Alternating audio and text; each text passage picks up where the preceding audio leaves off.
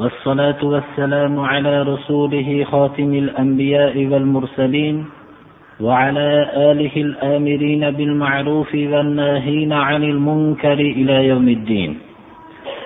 أما بعد السلام عليكم ورحمة الله.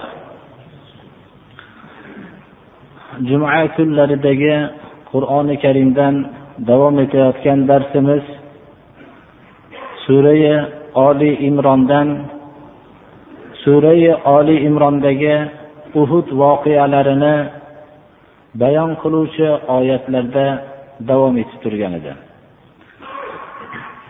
أعوذ بالله من الشيطان الرجيم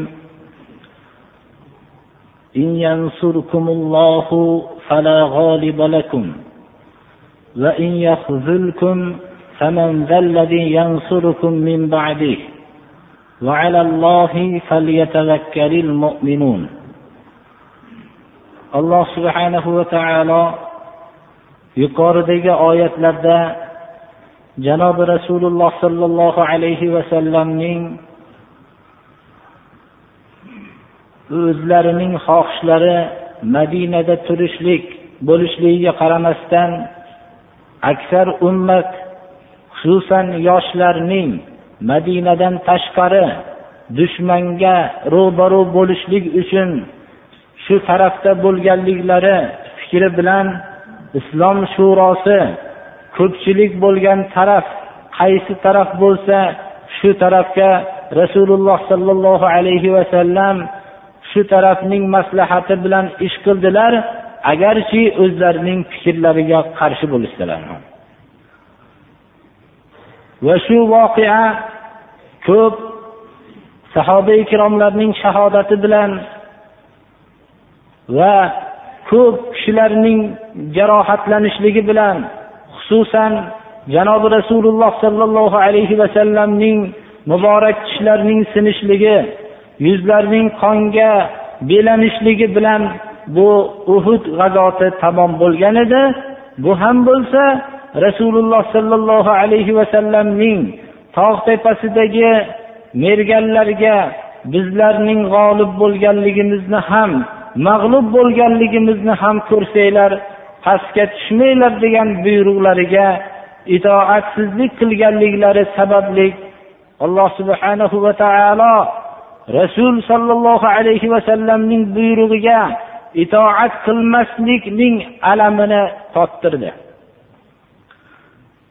Mumkinki rasululloh sollallohu alayhi vasallam inson bo'lganliklari sababli bu kishining qalbi muboraklarida ashobi ikromlar o'zlarining maslahatlariga zid bo'lgan fikr bilan shuncha mag'lubiyatga uchrashganlaridan keyin qalbi muboraklarda bir alam paydo bo'lgan bo'lsa va ashoblarga nisbatan bir qisman bir alam paydo bo'lgan bo'lsa alloh subhanahu va taolo u kishini shu voqeadan keyin yana shu zotlar bilan maslahat qilishlikka buyurdi va ularning xatolarini kechirishlikka buyurdi va muloyim bo'lishlikka buyurdi va bu muloyimlik faqat alloh subhanahu va taolo tarafidan ekanligi bilan ogohlantirdi. Shu olloh subhanahu va taolo bu kishining muloyim qilib bu kishiga olloh o'zini rahmatini berganligi sababli ularga muloyimlik qilganliklarini minnat qilib olloh tarafidan bo'lgan rahmat sababli siz ularga muloyim bo'la oldingiz. Agarchi sizni maslahatingizga qarshi ish qilgan bo'lsa ham muloyim bo'la oldingiz. Bu muloyim bo'lishlik olloh tarafidan bo'lgan rahmat sababli deb olloh minnat qildi agar siz qo'pol bo'lganingizda qalbi qattiq durust bo'lgan kishilar jumlasidan bo'lganingizda atrofingizdan bu ashoblar ketib qolishib tarqalgan bo'lishardi. Haqiqatda ham rasululloh sollallohu alayhi vasallamdagi bu muloyimlik olloh tarafidan bo'lgan rahmat sababligida. Har qanday ota ham har qanday ustoz ham o'zining farzandi va shogirdi tarafidan bo'lgan bunchalik muomalaning bir qismi sodir bo'lganda ham u ota farzandini ustoz o'zining shogirdini kechirmaydi birodarlar. Va shu bilan birga shuro asosini yuqoridagi oyatlar asoslantirishligi bilan birga bir shuro asosida bir fikr barpo bo'lgandan keyin allohga tavakkul qilib shu ishda davom ettirishlikka bo'lgan buyruqni ifodalovchi oyatni o'rgangan edik. Endi islomdagi shuro yaxshi anglashligimiz kerak. Bir marta shuro bo'lgandan keyin undan keyin bu ishni ijro qilishlik bo'ladi. Boshqa maslaklarga o'xshagan bugun ham bir shuro ertaga ham bir shuro ertamanda bir shuro kechqurunda bir shuro bunday uslubda islomda shuro bunday shuroni islom tanimaydi. Bir narsani jiddiy qasd qilganingizdan keyin ollohga tavakkul qiling.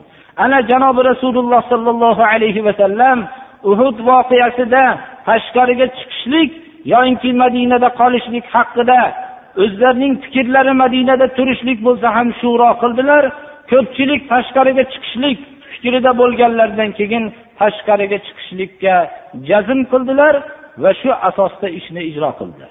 Undan keyin ba'zi ashoblar yoshlar tarafidan bu maslahatni boshqa qilaylik. Chunki rasululloh sollallohu alayhi vasallamning fikriga biz qarshi bo'lib qolibmiz degan fikrlar sodir bo'lganda ham u kishi bu qasddan qaytmasdan shu jiddiylikni ijro qilgan bo'ldilar.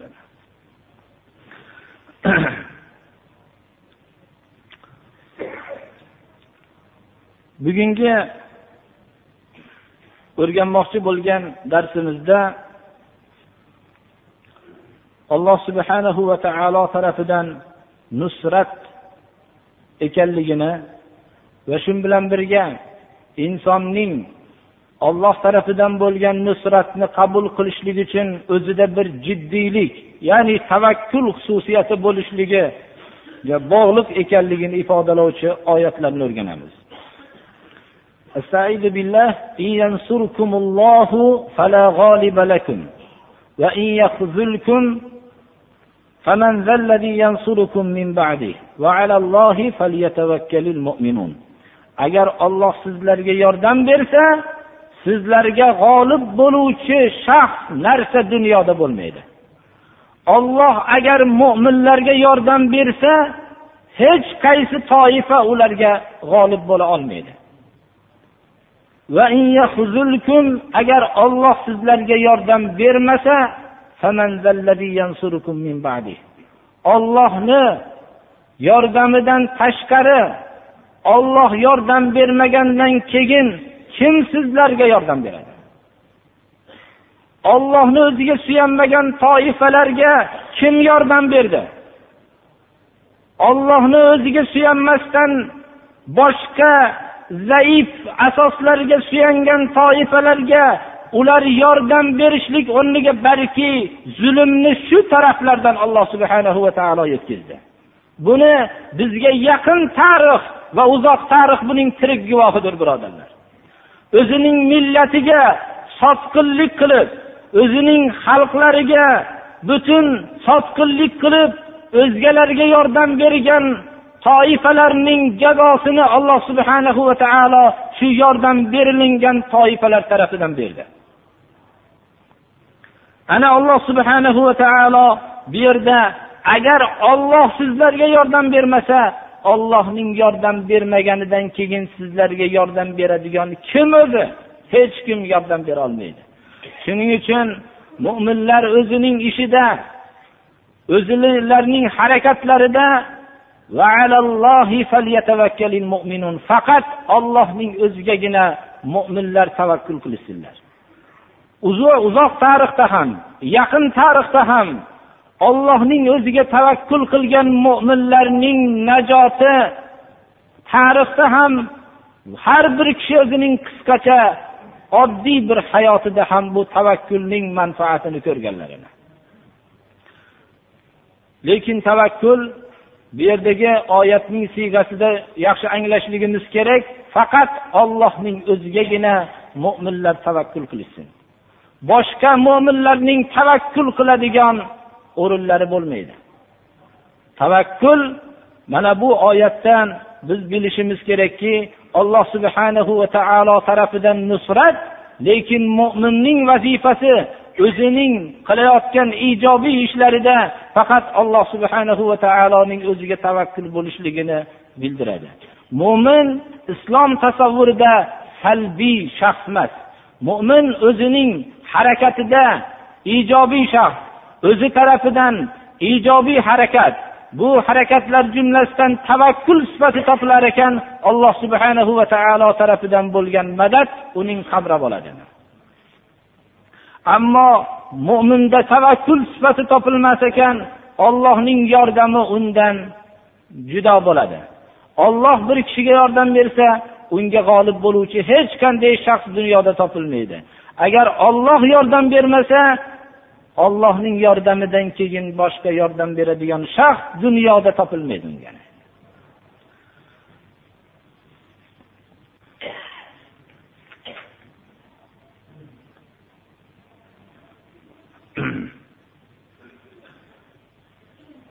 keyingi oyatda janobi rasululloh sollallohu alayhi vasallamning o'zlari va umuman nubuvvat haqida nubuvvatning xususiyatlari haqida qisman bir bayon keladi.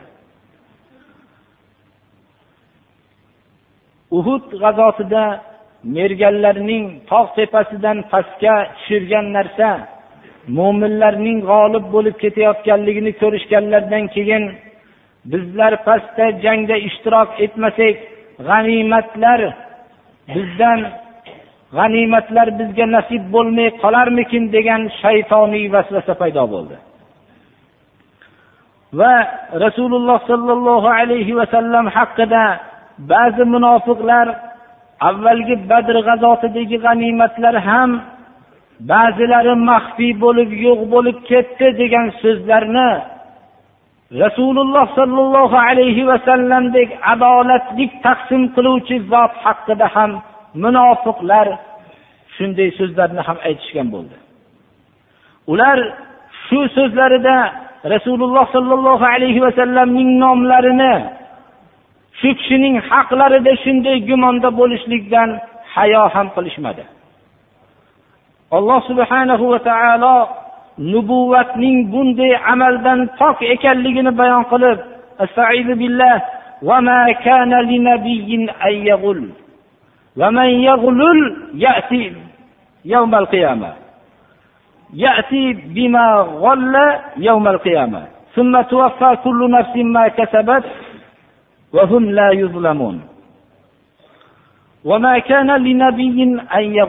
payg'ambar uchun umuman payg'ambar uchun biror bir g'animatlarning taqsim qilishlikda xiyonat qilib ba'zi narsalarni bekitib olishlik mumkin emas. Payg'ambar bunday sifatdan pokdir. Bu oyat janobi rasululloh sollallohu alayhi vasallamdagina bu sifatni nafiy qilmasdan umuman payg'ambarda bu sifat bo'lishligi mumkin emas. Alloh subhanahu va taolo tarafidan jo'natilingan payg'ambarda xalqdan bir narsani bekitib unga xiyonat qilishlik sifati topilmaydi hasan basriy qiroatlarida qiroati fe'lni majhul bilan tilovat qilingan. Bu keyingi ma'noga ham juda muvofiq bo'ladi. Ya'ni payg'ambarga boshqalar tarafidan xiyonat qilinishlik mumkin emas degan ma'noni bildiradi. Biror kishi payg'ambar huzurida biror bir g'animatning bir qismini bekitib payg'ambarga xiyonat qilishligi mumkin emas ma'noni bildiradi. Qaysi bir kishi xiyonat qilib payg'ambarga xiyonat qiladigan bo'lsa xiyonat qilib bekitgan narsasini qiyomat kuni sharmanda bo'lgan holatda olib keladi.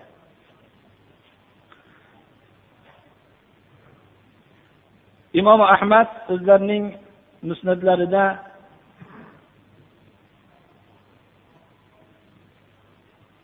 abu humaydi soidiy rivoyati asosida keltiradilarki استعمل رسول الله صلى الله عليه وسلم رجلا من الأزد يقال له ابن اللتيبه على الصدقة فجاء فقال هذا لكم وهذا أهدي لي.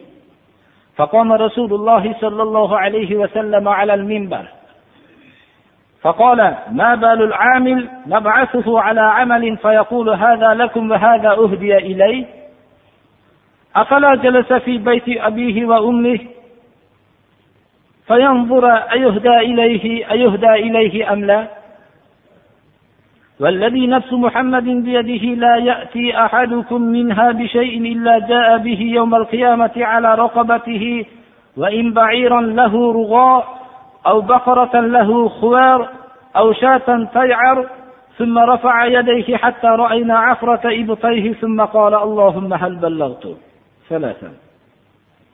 imom buxoriy va imom muslim rivoyatlarida keltirilgan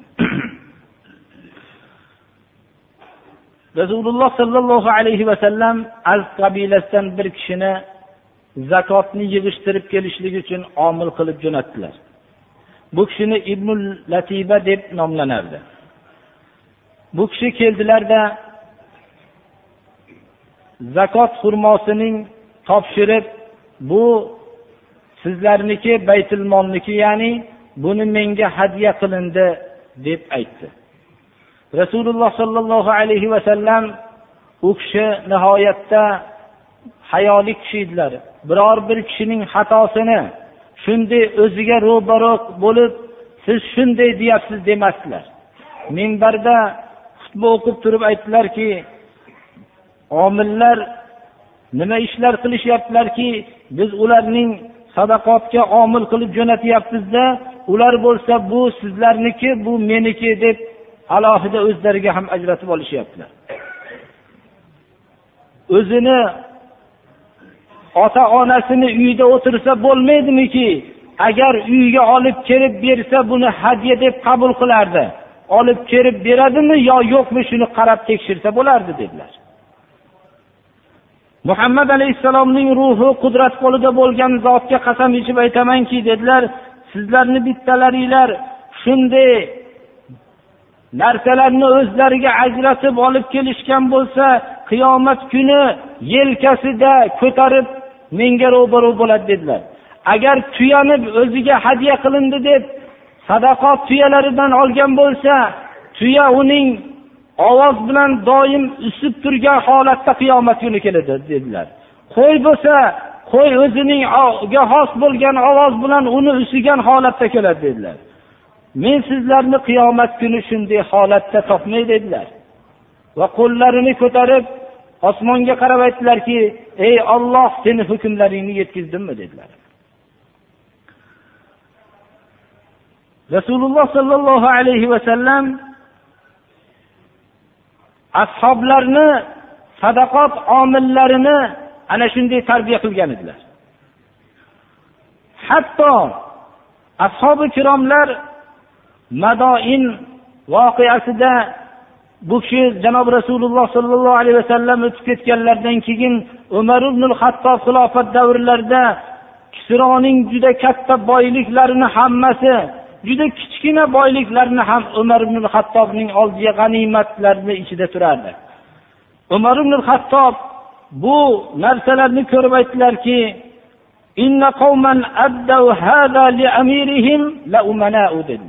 bu narsalarni amirlariga topshirgan xalqlar omonatdor xalqlar dedilar.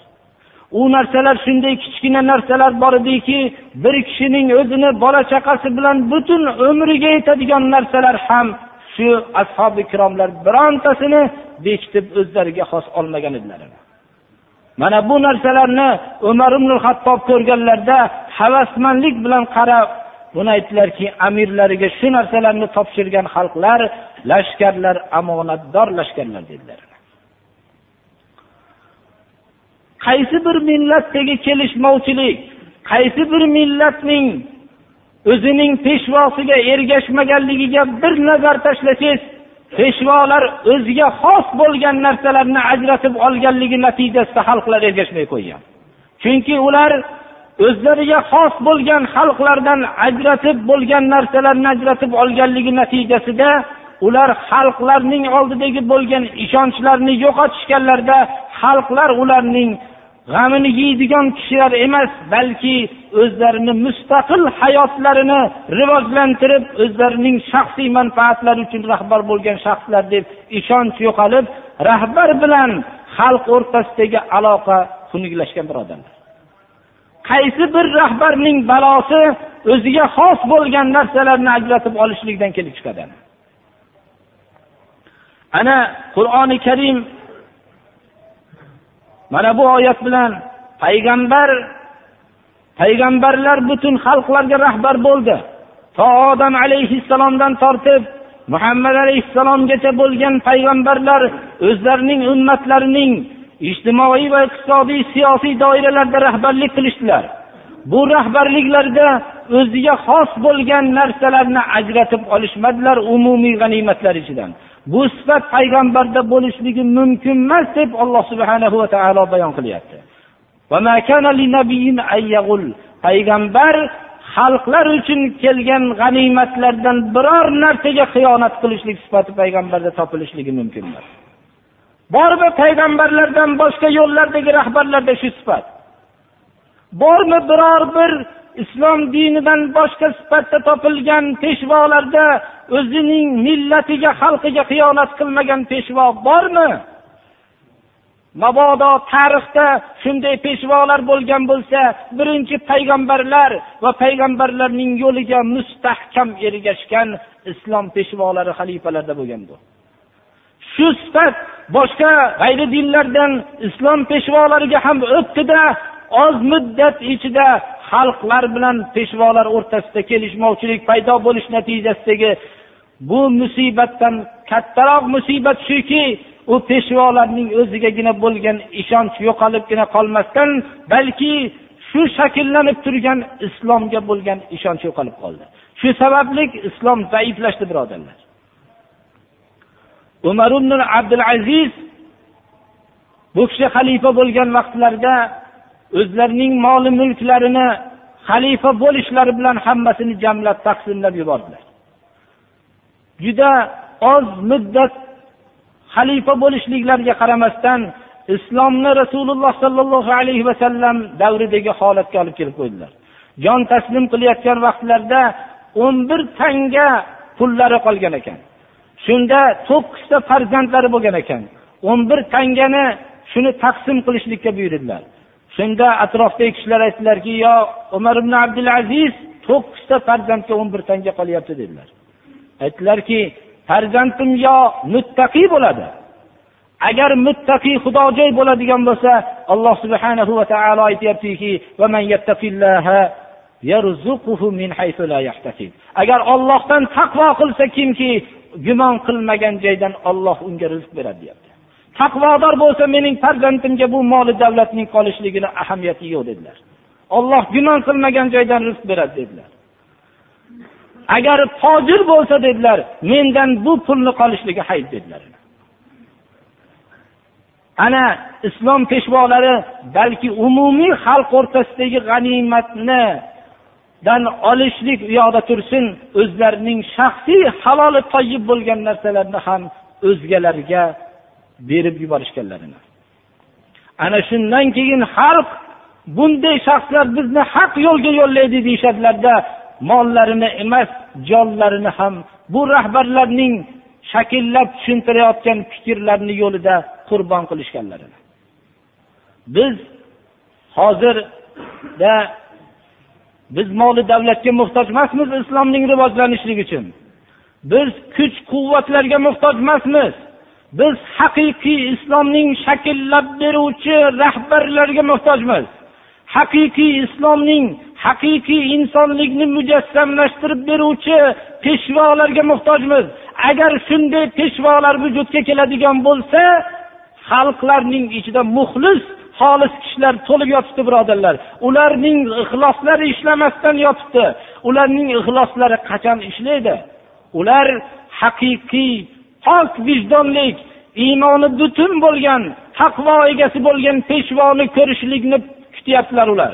Ana shunday peshvo bo'ladigan bo'lsa hamma xalq o'zining peshvosidan bezadi hamma xalq o'zining atrofidagi jamlangan peshvolarning sotqin xiyonatchi ekanligidan bezadi payg'ambarlarga kishilarning mollari va jonlarini qurbon qilganliklarining siri ular umumiy xalq uchun bo'lgan g'animatlarga zarracha xiyonat qilishmaganlar.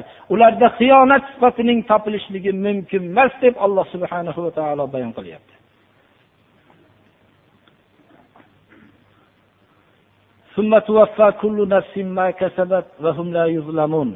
Har bir kishi qiyomat kuni to'la uning qilgan amaliga kasb qilgan narsasi to'la beriladi. Agar xalq o'rtasida hayotida xiyonat qilmasdan yashagan bo'lsa unga yaxshi mukofotlar bilan to'la zulm qilinmagan holatda uni jazosi yaxshi qilib beriladi. Agar xiyonat qilgan bo'lsa uning jazosi ham to'la yomon jazo bilan beriladi. biror bir kishiga zulm qilinmaydi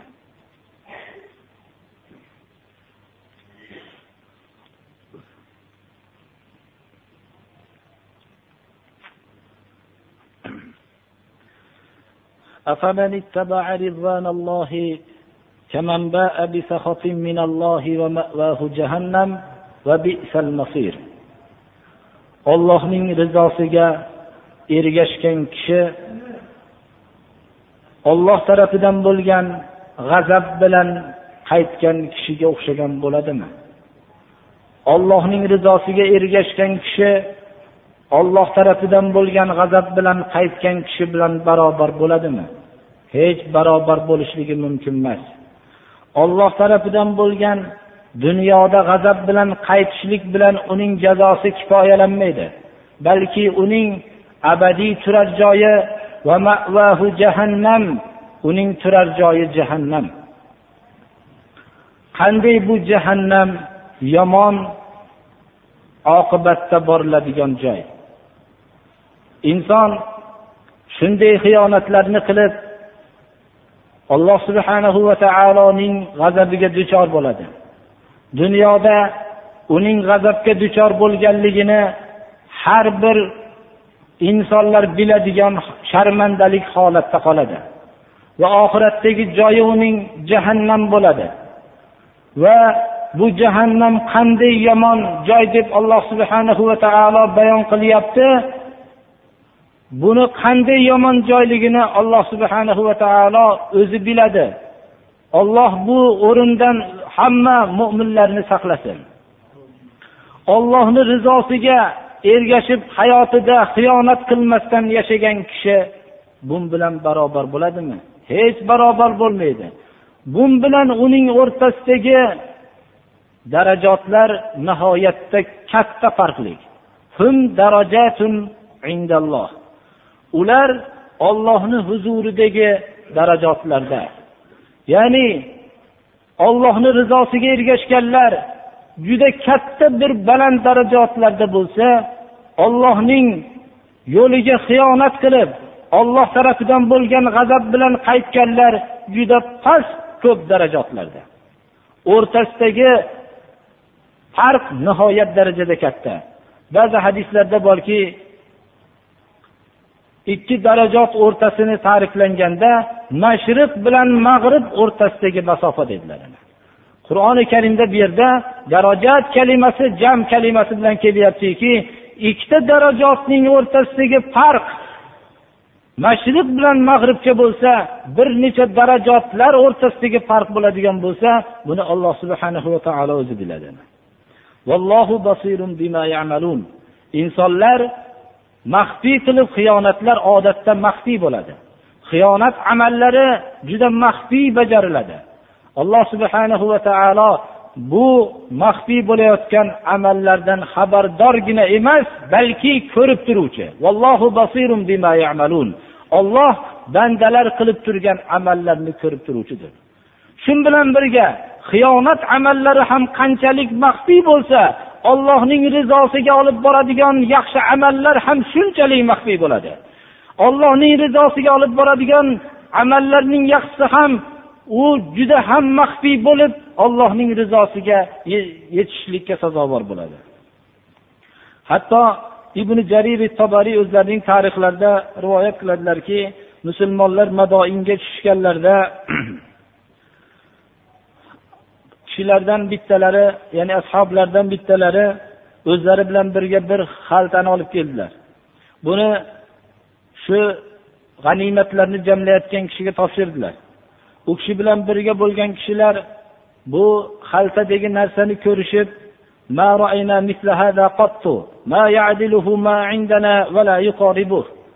biz bunga o'xshagan katta boylikni ko'rmagan edik. Biz olib kelgan narsalar bunga barobar bo'lmaydi balki yaqinlashmaydi ham deyishdilar. Ular ajablanib aytishdilarki biror narsa shundan ozgina o'zingizga ham olib oldingizmi dedilar.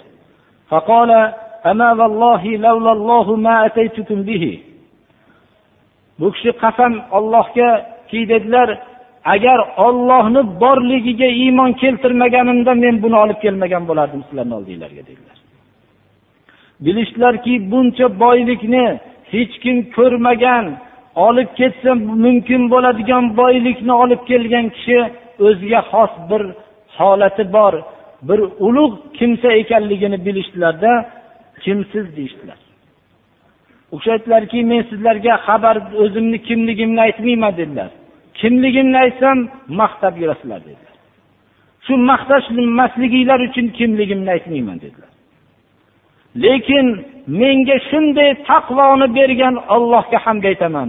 Ollohning qiyomat kunida beradigan savobiga roziman. Sizlarni maqtovinglarni xohlamayman dedilar.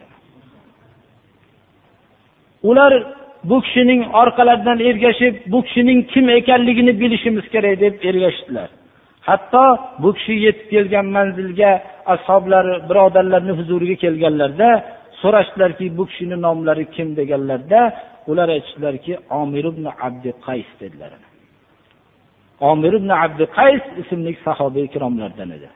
Ana ular ollohning rizosiga ergashishlik qanchalik katta amal ekanligini bilishib bunga haris bo'lishganlar xuddi bizlar odamlar o'rtasidagi obro'yu sharafu maqtovlarga erishishlikka harakat qilganimizdek. Ular bunday zaif insonlar oldidagi obro'ni tashlashib odamlarni va butun mavjudotni yaratgan ollohning huzuridagi martaba maqtovga harakat qilishganlar. Ollohning bandalar tarafidan roziman degan kalimasi katta ekanligini yaxshi bilishganlar. Akbar. Olloh tarafidan bo'lgan rozilik bu juda katta narsa.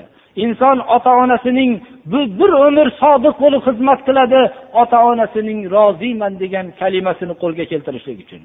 Butun ota onalarni yaratuvchi bo'lgan butun bashariyatni yaratuvchi bo'lgan butun mavjudotni yaratuvchi bo'lgan yakka alloh subhanahu va taolo tarafidan bo'lgan rizolik uchun agar insonning qalbida yaqin komil bo'ladigan bo'lsa bu rizolikka qattiq harakat qiladi.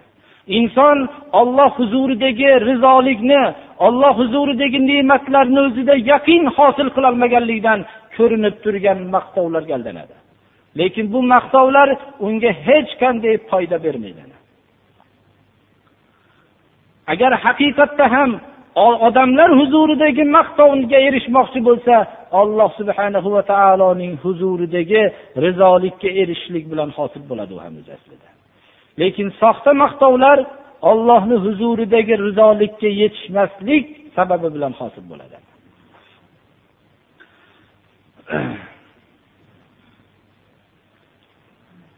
Bugungi darsimizda qisqaroq bo'lsa ham oyatni ba'zi o'rinlarni izohlashlikka muhtoj bo'lib qolindi. Alloh subhanahu va taolo hammamizni ham shunday o'zini millatiga xiyonat qilib qo'yishlikdan alloh o'zi saqlasin.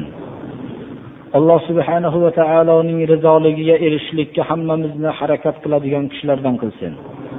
Odamlar huzuridagi soxta maqtovlarga aldanishlikdan alloh panoh bersin. Alloh subhanahu va taolo mana avvalgi oyatda aytgan agar olloh sizlarga yordam bersa sizlarga hech kim g'olib bo'la olmaydi deydi. Olloh o'zining yordamini bizlardan judo qilmasin. Va alloh subhanahu va taolo tarafidan keladigan yordam oyatda aytilindi alloh subhanahu va taoloning o'ziga bugina bo'lgan tavakkuldan hosil bo'ladi bizlarni ham yagona o'ziga tavakkul qilib ish qiladigan kishilardan qilsin صراط الذين أنعمت عليهم غير المغضوب عليهم ولا الضالين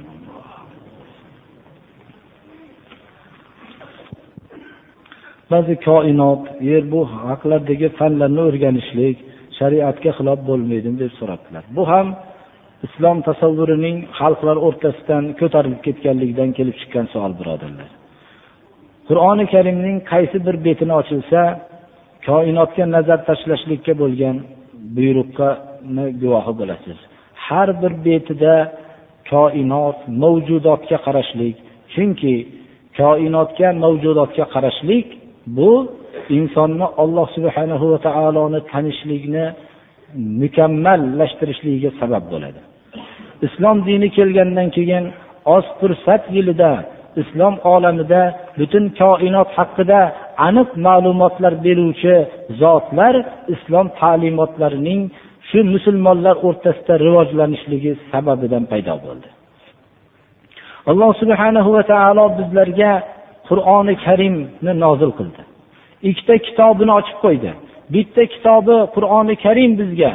Biz bundan o'qib o'rgansak ikkinchi kitobi koinot kitobini ochib qo'ydi. Bu koinot kitobining varag'i yopilmaydi. Buni qachon qarasangiz ochiq turadi. Buni qarab alloh subhana va taoloning qudrat mo'jizalarini o'qiysiz bu shariatning ayni buyurgan bu fanlarning tarixini bilgan kishi faqat islom olamida kashf bo'lgan bu fanlar. Lekin boshqalar bu fanlarni ustozlari kim ekanligini bilganlari insof qilmaydi. Boshqalar bo'lsa bilmagan ustozlarni tanimagan holatda bu fanlarni egallashgan.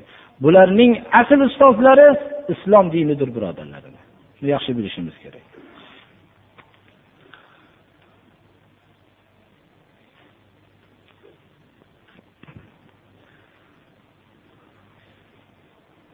Birodarlar bir ba'zilari bir duo qilsinlar dedilar alloh taolo mushkullarni oson qilsin parvardigoro hammalari tolib ilmlar duo qiling debdilar ilmlariga rivoj bersin dini islomga xizmat qiladigan olim bo'lishsinlar بسم الله الرحمن الرحيم اللهم تقبل منا هذه الصلاة واعف عنا مع جميع نقصاناتها بفضلك وكرمك يا أكرم الأكرمين ويا أرحم الراحمين اللهم يسر لنا أمورنا وأمور الدنيا والآخرة وأجرنا من خزي الدنيا وعذاب الآخرة. اللهم استرنا بسترك الجميل اللهم احفظنا يا فياض من جميع البلايا والأمراض. وصلى الله تعالى على خير خلقه محمد وآله وأصحابه أجمعين الطاهرين الطيبين. وارحمنا واحشرنا معهم برحمتك يا أرحم الراحمين. واعتصموا بحبل الله جميعا ولا تفرقوا. واذكروا نعمة الله عليكم إذ كنتم أعداء فألف بين قلوبكم. فألف بين قلوبكم فأصبحتم بنعمته إخوانا وكنتم على شفا حفرة من النار فأنقذكم منها كذلك يبين الله لكم آياته لعلكم تهتدون. ولتكن منكم أمة يدعون إلى الخير ويأمرون بالمعروف. ويأمرون بالمعروف وينحون عن المنكر وأولئك هم المفلحون. سبحان ربك رب العزة عما يصفون. وسلام على المرسلين والحمد لله رب العالمين. اللهم تقبل منا إنك أنت السميع العليم. ربنا اغفر لنا ولإخواننا الذين سبقونا بالإيمان. ولا تجعل في قلوبنا غلا للذين آمنوا. ربنا إنك الغفور الرحيم. صلى الله تعالى على خير خلقه محمد وآله وأصحابه أجمعين Amin Allah subhanahu va taolo ibodatlarimizni qabul qilsin. Gunohlarimizni mag'firat qilsin. Ne'matlarimizni qadamlariga Alloh